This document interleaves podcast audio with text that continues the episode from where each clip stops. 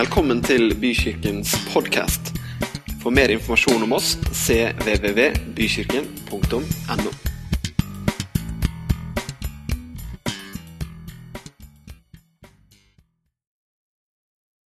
Vi trenger som menighet å være aktivt involvert i misjon. Du vet, Noen menigheter de har det til og med i navnet sitt. Misjonsmenighet, og det er misjonsforbund og det er misjonskirke. og det, det, er kjempefint, for det er faktisk det menighet dreier seg om. Det er å, å gi dette her ut. Når vi ønsket å finne noen å stå sammen med i misjon, så hadde vi i lederteamet i Bykirken vi hadde på en måte noen kriterier. Det er nemlig sånn at Jeg får mail fra ulike misjonsorganisasjoner og ulike prosjekter i hvert fall én gang i uka med tilbud. og Nederst i mailen så står alltid kontonummeret veldig stort og tydelig. sånn at det er ikke noe problem å finne et kontonummer som man kan liksom legge inn i, i, eh, i menighetens Eh, nettbank og sørge for at det går noe penger til misjon. Men vi tror at det er noe mer enn det, og vi ønska å stå sammen med noen i misjon hvor ikke det bare var et kontonummer som skulle brukes, men hvor det var et engasjement som også vi som menighet kunne delta aktivt i. Så i nærmere tre år så har, eh, har jeg og andre her vi har hatt en dialog med, med Daniel og Glocal. og vi har funnet ut at her er det noen som matcher. For det første så kan vi være engasjert mer enn å bruke et kontonummer. Eh, for det andre så er det et misjonsarbeid som har klar, et klart misjonalt fokus. Evangeliet skal ut. Ja, det er skole, ja, det er hjelp til bedre liv, ja, det er andre ting også. Men vi tror virkelig at vi som kirke, vi har et ansvar for at evangeliet gis videre. Og så ønska vi å ha en misjonspartner som vi som også hadde et fokus mot de kommende generasjoner. Så dere alle misjonærene som var oppe om, oppe om scenen her i stad? De var fra tre år og oppover. Du skjønner at vi, vi, har alle fått den oppgaven. Vi har alle fått det oppdraget å være involvert i å spre dette her videre. Eh, vi er også veldig glad for at eh, vi har i Glocal og den måten misjonsarbeidet drives på, så har vi folk på stedet, aktivt involvert i alt som foregår, på, en, på et eh, fra dag til dag-basis. Vi er også veldig glad eh, for å høre hvordan eh, Daniel, som dere snart skal få møte, er i kontakt med arbeidet i India, om ikke hver dag, så i hvert fall annenhver dag. Det er en kontinuerlig utvikling. og det var en liten milepæl nå i høst hvor, eh, hvor vi kunne feire at over 10 000 mennesker har kommet til tro gjennom de siste årene, gjennom det arbeidet som skjer. Ja, det er faktisk verdt litt grann begeistring. Det er, vi, det er vi utrolig glad for. Så jeg kjenner på en glede på vegne av oss her i Bykirken at vi kobler oss på noe som allerede er i gang, men som også vi kan være med å gjøre til vårt. Og om eh, ja, en måned og en dag så, så reiser jeg og Inger-Lise og fire stykker fra Salt i Bergen Vi reiser ned til India for å få dette inn under huden, for å se det med egne øyne og for å virkelig eh, være med i det som skjer. Og det er så mange muligheter for oss. Du som brenner for misjon i denne formen. Det blir mulig å bli med på turer. Du som eh, brenner for ulike prosjekter osv. Vi vil gjerne høre fra deg. Vi vil gjerne, eh, eh, gjerne åpne døra, sånn at ditt engasjement kan få et utløp. Det er jo ikke sånn at man tenker litt på misjon, og så plutselig så pakker man kofferten sånn som man gjorde i gamle dager, og så kommer man hjem syv år seinere. Det å kunne kanskje være med ned og bidra i et prosjekt. Det å kunne liksom Ok, det der brenner jeg for. Her har jeg mulighet til å være med Enten økonomisk eller praktisk osv. Det ønsker vi å legge til rette for på alle mulige måter. Så dette er vi glad for. Veldig glad for det, og jeg er veldig glad for også å presentere Daniel for dere. Vi har jo hørt ham før, da, men Daniel er en, eh, en av lederne i, eh, i, Salt i Bergen. Han er, Vi kunne jo dratt en sånn lang, flott CV med teologiske grader osv., Daniel. Og det er sikkert alle blir kjempeimponert over det. Det som vi syns er bra, det er at du er en bra fyr med et godt hjerte og med et engasjement. Og midt i en livsfase med småbarn og så vet jeg at du og Rikke, dere, dere, brenner for evangeliet. Dere brenner for menighet. Og det har vært en så god reise for oss her i Bykirken å, å komme tettere på å bli kjent. Så, så, vi føler at det er en av våre egne som skal preke til oss i dag. Så vær så god, Daniel. Kom opp og del det som ligger på hjertet ditt. Så fint. Du, dette, det slo meg at dette var en utrolig utrolig uh, festfylt dag, så jeg tok et bilde av deg og sendte det til Gladvin, som du ser da til høyre på bildet uh, her. Høyre for deg, ja. Eh, og han hilser tilbake igjen fra Delhi, der de har vært samlet til formiddagsgudstjeneste i dag, og sier so, much, so very welcome to the new partners. In, så lurer han på hva den ø-en var for noe. Den, den, den bokstaven kjente han ikke igjen, så jeg måtte kalle det for Tonsberg. Du, Så fint. altså. Forrige gang vi var her i, jeg var her i januar, så snakket vi om uh, gleden av å få lov å være menighet med fire adresser. Det at vi tenker om oss selv at det vakre som skjer 31.10, er fordi at vi har fått kraft til å være vitner i Jerusalem. Det skal skje noe for neste generasjon i denne byen. her. Man skal få et møte med en kirke, møte med mennesker som er interessert i at barn og unge skal ha det godt. Det er det vi har fått kraft til. Å skape sånne møteplasser. Være lokal menighet med en lokal outreach. Så har vi fått kraft til å være vitner i Samaria. og det er jo litt sånn hvordan opplever vi det? Eh, Bergen og Tønsberg er sikkert eh, like og forskjellige på den måten at det fins grupper i byen som overses, som ignoreres, som anses for å være mindre viktige. Og De menneskene var samaritanere den gang. Og Jesus sa dere kan ikke gå rundt. Dere må gå gjennom, og dere må sitte dere ned ved brønnen og prate med dem og våge å krysse noen kanskje kulturelle barrierer for å faktisk være, ha, være vitner også for de. Det er spennende for enhver menighet å spørre seg selv hvordan det ser ut. Vi, har vi fått kraft til å være vitner i Judea? Vestfold er liksom et svært fylke, og hvem vet hva staten finner på? Kanskje det blir et helt fylke som heter Sør-Norge? Det kan jo hende at alt endrer seg. Eh, her på Vestlandet så gjør vi vår egen lille vri, så vi skal liksom eh, prøve å få tak i milliardene til Sogn og Fjordane og bruke, litt, eh, bruke de litt i Bergen. Vi får se hvordan det går. Og så er det denne fjerde adressen som er på en måte overskriften for dagen i dag. Og jeg skal gå litt i, i retning av det, i tro mot at dette er en sånn kickoff-gudstjeneste. For at vi også har fått kraft til å være vitner til jordens ender. Historisk sett så har jo det betydd for menigheter i Norge at vi har sendt misjonærer til fjerne himmelstrøk. Og per innbygger så er jo kanskje Norge det landet i verden, sammen med kanskje våre skandinaviske frender, som har sendt flest misjonærer per innbygger altså til andre himmelstrøk. Og Det er et klassisk uttrykk for misjon som man kan nesten møte i, eh, i det man reiser til andre himmelstrøk. Så forteller de fortellinger om nordmenn som har kommet, om svensker som har kommet, om finner som har kommet med evangeliet. Og Jeg tror fortsatt at det kan skje. Men jeg tror ikke det trenger å være begrensa til det.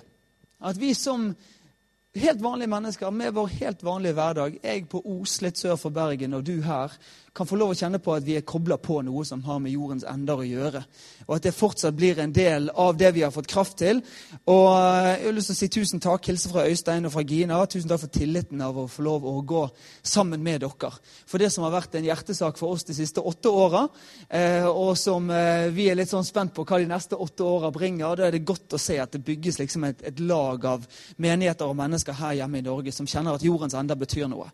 At jordens ender ikke blir så langt vekke at man bare avskriver det, men at man klarer å tette det gapet på en eller annen måte og, og si at vi, vi, bryr oss. Vi er nødt til å ta inn over oss at det finnes unådde folkegrupper, unådde plasser geografisk i vår verden, og det har vi lyst til å ta inn over oss.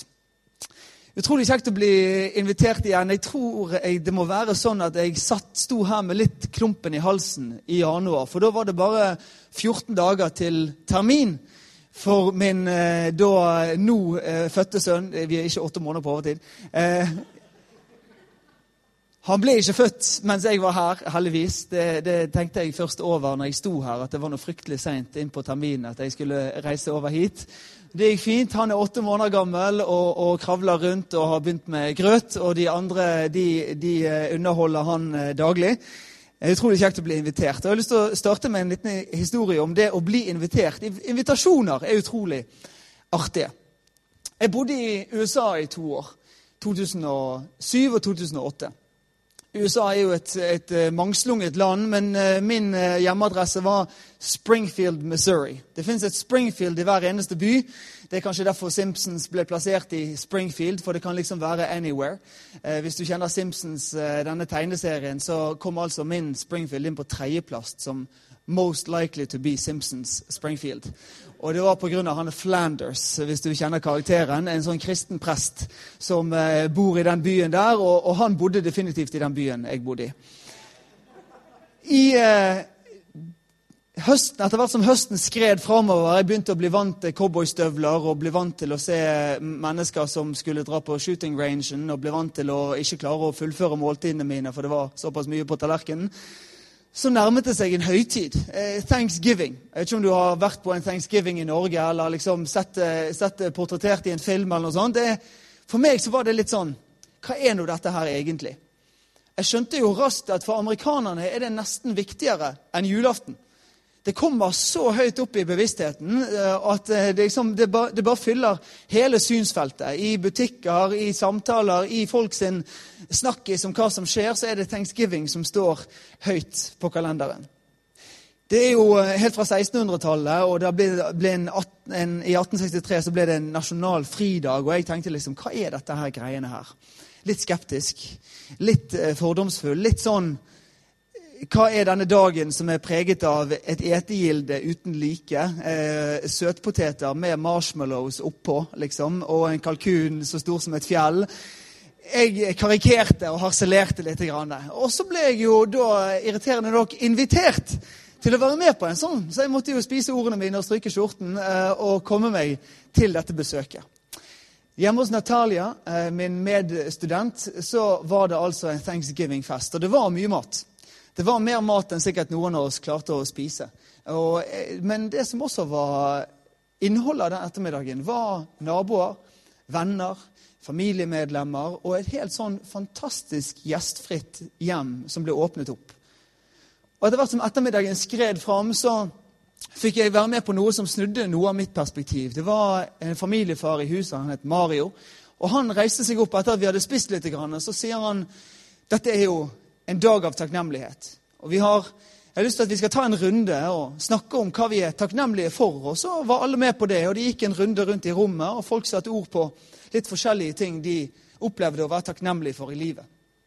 Noen hadde en kristen tro, og noen var, var der fordi de si, bare invitert inn fra, fra, nabolaget.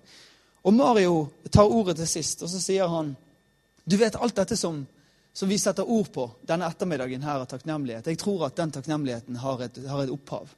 Jeg tror på en Gud som er alle gode tings opphav. Han er en far som trives med å gi gode gaver til de som, som ber han. Så hvis jeg, det er OK for dere, så har jeg lyst til å be en takkebønn til Gud for at alle de gode tingene vi har satt ord på her, at vi har fått det i gave fra Han som jeg tror på. Jeg satt der og bare følte meg så liten og så norsk og så fordomsfull og så irettesatt på en god måte. Det er jo sånn Når man ser ting fra avstand, så oppstår det misforståelser. Når man bare ser, bedømmer det fra distanse, så oppstår det ikke bare misforståelser, men kanskje til og med også fordommer. Men når man kommer nært på, så skjønner man at kanskje det ikke helt var sånn som jeg hadde tenkt. Kanskje ikke det var bare denne store kalkunen, men det fantes noe verdifullt på baksida av den buffeen.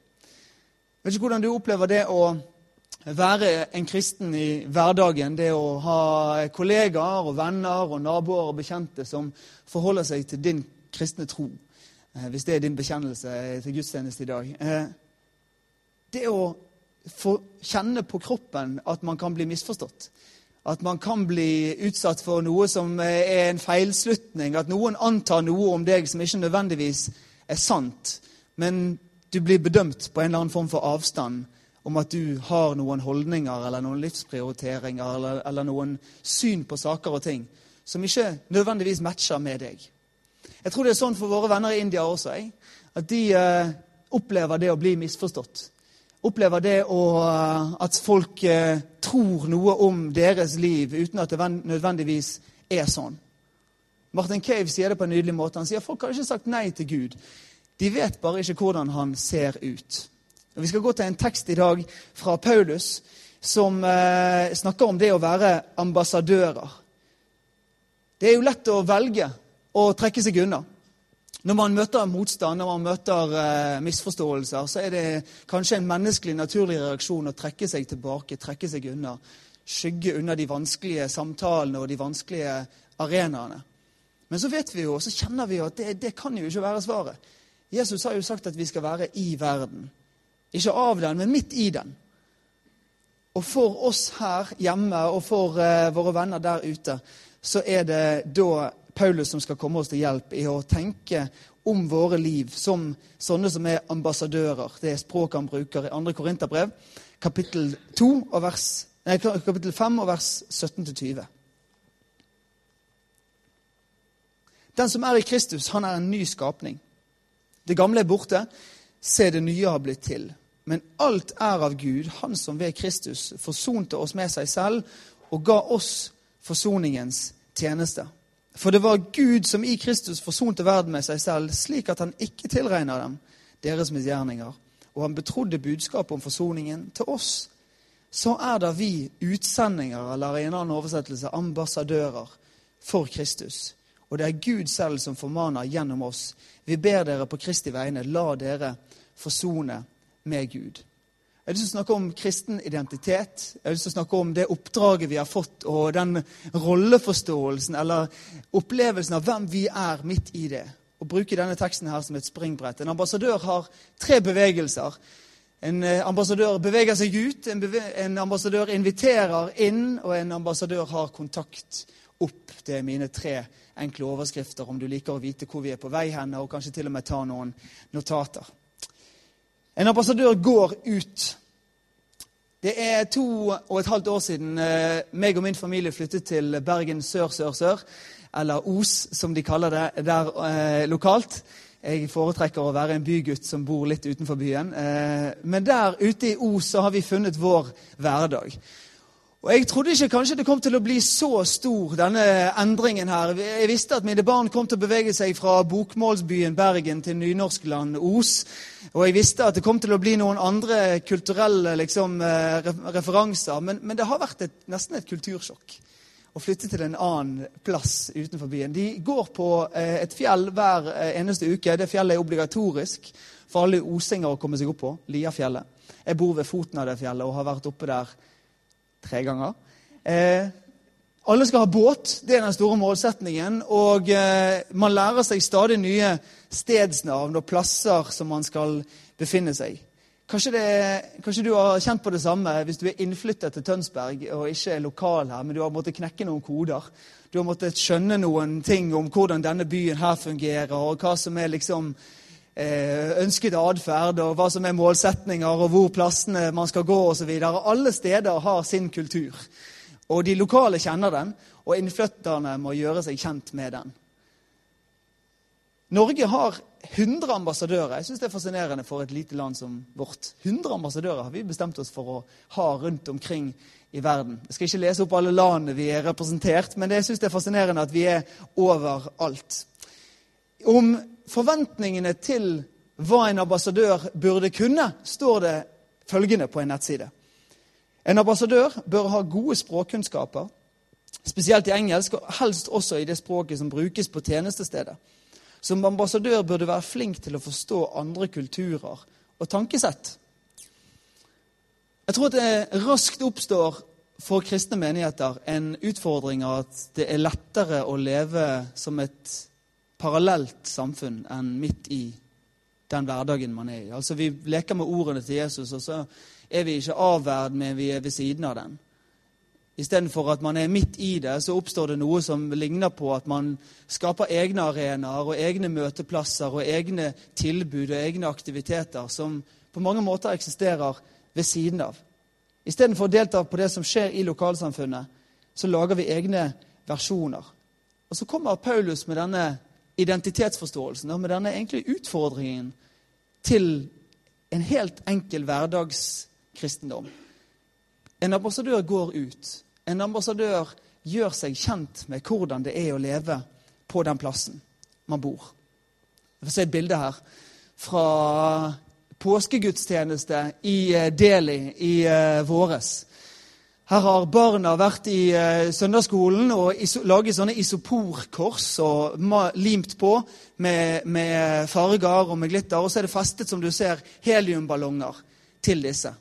Oppstandelsesgudstjeneste i påsken, og på enden av gudstjenesten, som varte en god stund, eh, så gikk vi alle ut på eh, tunet foran kirkebygget som var, var leid for anledningen, eh, Kulturhuset.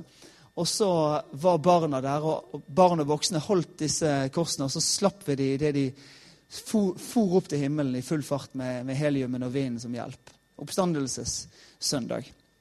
Det fine som har skjedd i India over de siste åtte årene, er ikke at det har kommet et team fra Norge med store høyttalere og, og store eventer. Men det er helt vanlige mennesker som har fått et grep rundt det at jeg er en ambassadør i min hverdag. Jeg bærer min kristne tro med meg i min hverdag. I 2011 så startet eh, Reisen for oss. Eh, og Det er åtte år siden. Jeg har lyst til å gi dere bare noe litt sånn historisk bakteppe. Og så er det de neste åtte åra som er de mest spennende.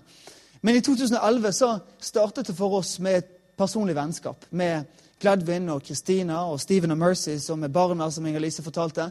De er 18 og 20 år gamle nå.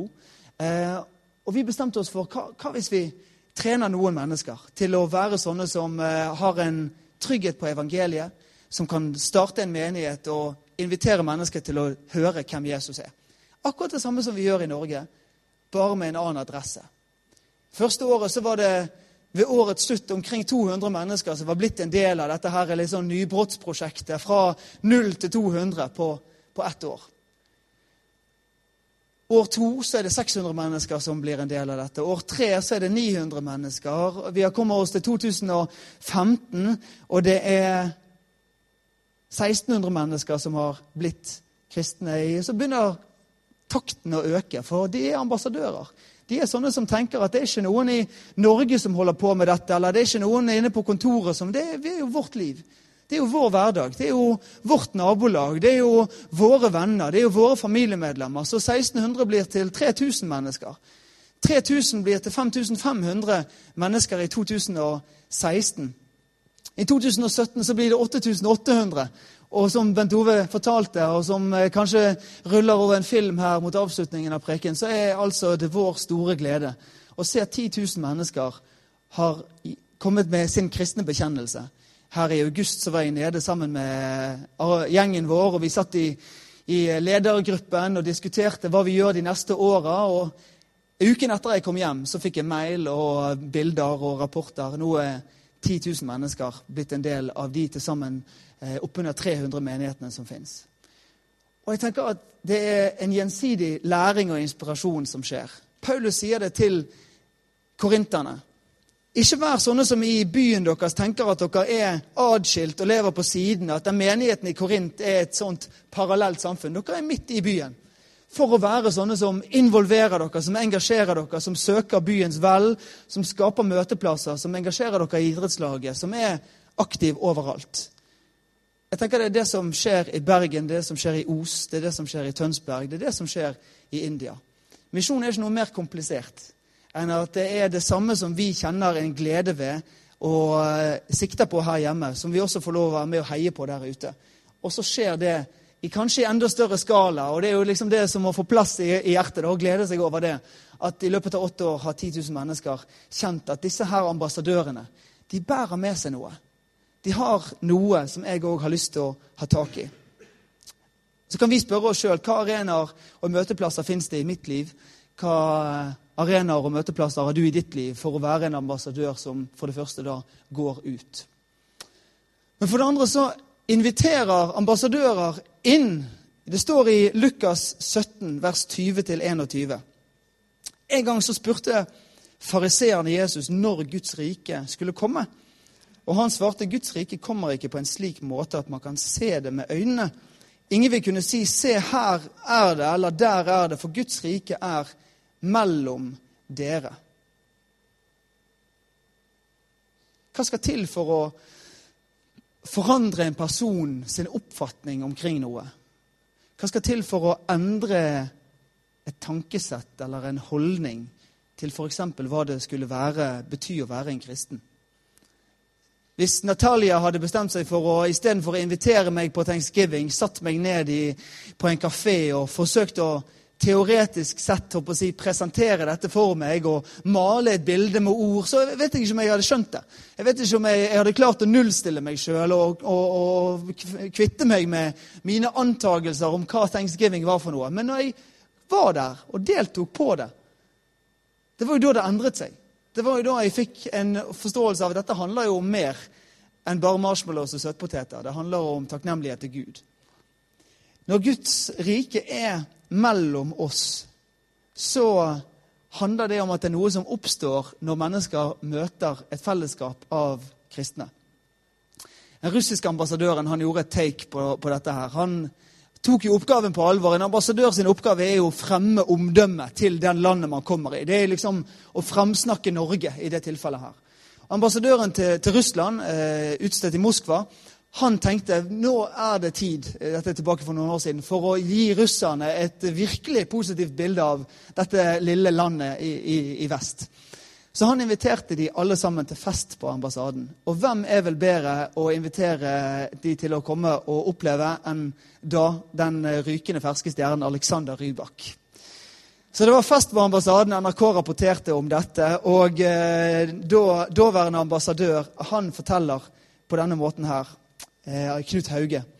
Alexander han er en fantastisk person, en utmerket ambassadør for Norge her i Russland. Vi merker godt i russisk massemedia at han er i byen, og han skaper en positiv publisitet for norske verdier. Fascinerende.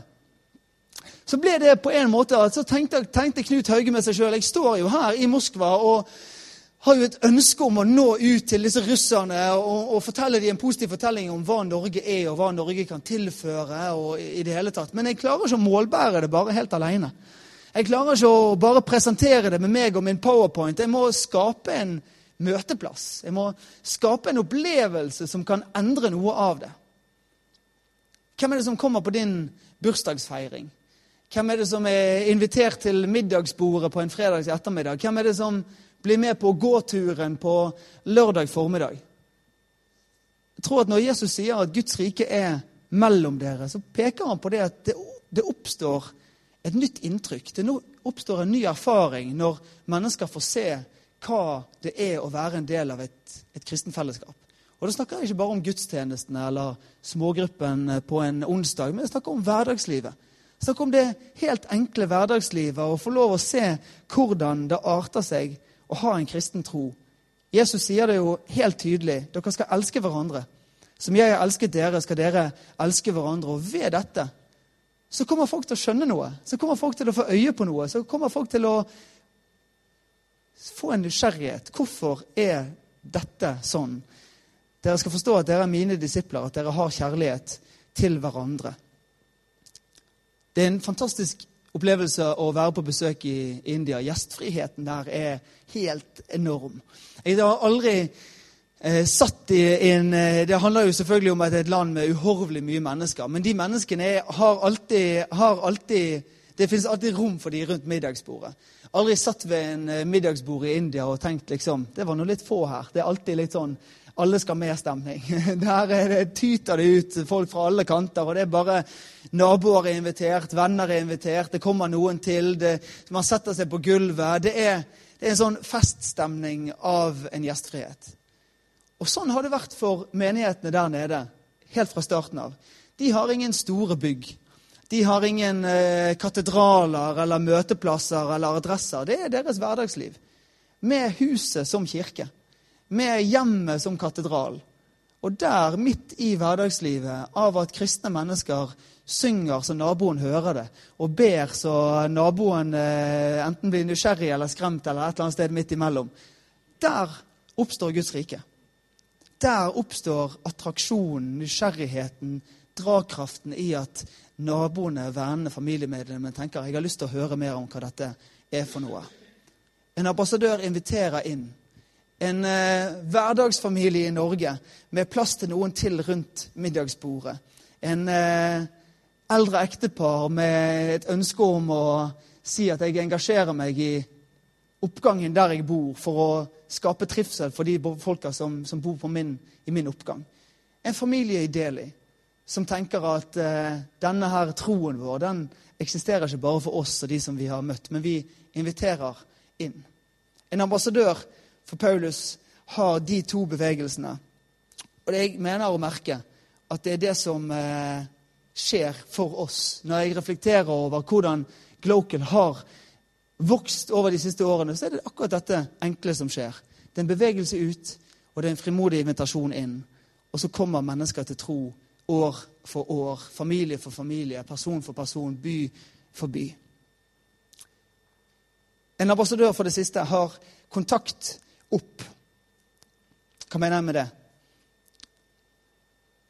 Eh, mitt største forbilde på det å være en ambassadør eh, er en, eh, en person som tilbakela en av de lengste distansene, kanskje den lengste distansen som er mulig å tilbakelegge, langt vekke fra det landet han kom fra, til en kultur fjernt fra sin egen. Trofast levde han i tråd med sin indre overbevisning, hvor han kom fra. Født i en stall, et langt liv midt i en fremmed kultur dø på et kors, stå opp igjen etter tre dager. Jesus er en ambassadør fra Guds rike inn i vår verden. Og så står Jesus der som en eh, mann som le lever da langt vekke hjemmefra, fra utsenderlandet, fra himmelriket. Og Så lever han midt i dette riket som vi lever i. Jeg ser på Jesus sitt liv, og så ser vi dette at han får ha denne kontakten hjem. Kontakten opp. Han er ute og møter menneskene. Han møter behovene. Han responderer i tide og utide på de forespørslene som kommer om å gjøre godt, om å vise godhet, om å slå av en prat, om å helbrede. Men gang etter gang så merker du, du har lest det du også i evangeliene, at det fins denne rytmen. Av at etter en tid av å ha vært på tilbudssida, etter en tid av å ha gjort godt, så trekker han seg tilbake til et øde sted. Så fins det en hvileplass, så fins det en ladestasjon, så fins det en kontakt hjem. Jeg lurer på hva det betyr jeg for ambassadøren i Moskva eller ambassadøren i Uganda og noen ganger få kunne plukke opp røret og snakke norsk. Og liksom noen ganger bare få lov å ringe pluss 47 og prate med noen som prater ens eget språk. Jeg tenker Det var det Jesus gjorde. Han, han ringte. Og jeg skal ikke si det er pluss 777 eller et eller annet annet tacky noe. Men eh, jeg reflekterer over hva det betyr for han, og hva det betyr for alle kristne, oss som er her, inderne som er der. At de legger vind på å ha dager av bønn og faste. At de legger vind på at menigheten må møtes for å ha en bønnerytme. At hverdagslivet handler om å gå ut og invitere inn, men så er det også bare å trekke seg tilbake og ha kontakt opp. Når Jesus står der midt i alt det han holder på med, så bestemmer han seg for å trekke seg unna. Og det høres jo ut som det er en timeout, og det høres ut som det er å, å, å snike seg unna oppdraget. Men det er også misjonsoppdraget. Det er også misjon. Det å ha kontakt med utsender. Det å ha kontakt med han som har gitt oppdraget. Jeg vet ikke hvordan det ser ut i ditt liv. Jeg har fått en halvtimes eh, pendlertur i gave. Eh, fra å flytte fra Bergen sentrum og ut i forstaden så har det kommet en halvtime, 45 minutter noen ganger gavepakke. Jeg velger å kalle det det er positivist her. Eh, kalle det for det. Det betyr en podkast om morgenen, og det betyr eh, et forsøk på litt stille tid eh, om ettermiddagen. Og så er det jo ikke alltid at nyhetene eh, på si, mutes, eller at man putter på noe musikk eller returnerer noe tapte andre opp. Men det er å finne de lommene av tid i et liv, i en hverdag. Enten det er ved frokostbordet, eller det er på sengekanten, eller er i den bilturen, eller hvor enn din lomme av tid skulle være sånn at vi har kontakt opp også. Den som er i Kristus, er en ny skapning. Det gamle er borte, se det nye har blitt til. Men alt er av Gud. Han som ved Kristus forsonte oss med seg selv og ga oss forsoningens tjeneste. For det var Gud som i Kristus forsonte verden med seg selv, slik at han ikke tilregner noen deres misgjerning. Han betrodde det budskapet om forsoningen til oss. Så er vi ambassadører her og langt vekke for Kristus. Det er Gud selv som formaner gjennom oss. Vi ber på Kristi vegne, la dere forsone med Gud. Det er et kristent hverdagsliv. Det er en ambassadør. Det er en som ser seg selv som en som går ut, inviterer inn og har kontakt opp. Og når vi inviterer til og vi står sammen om misjon, så er det for å stå sammen med mennesker som lever det samme hverdagslivet. Og Så kan vi komme inn ved siden av de, sammen med de, for å på forskjellige måter være med og bidra til at det skjer for de også. De siste åtte årene har vært en fantastisk reise. Jeg er mest spent på de neste åtte åra.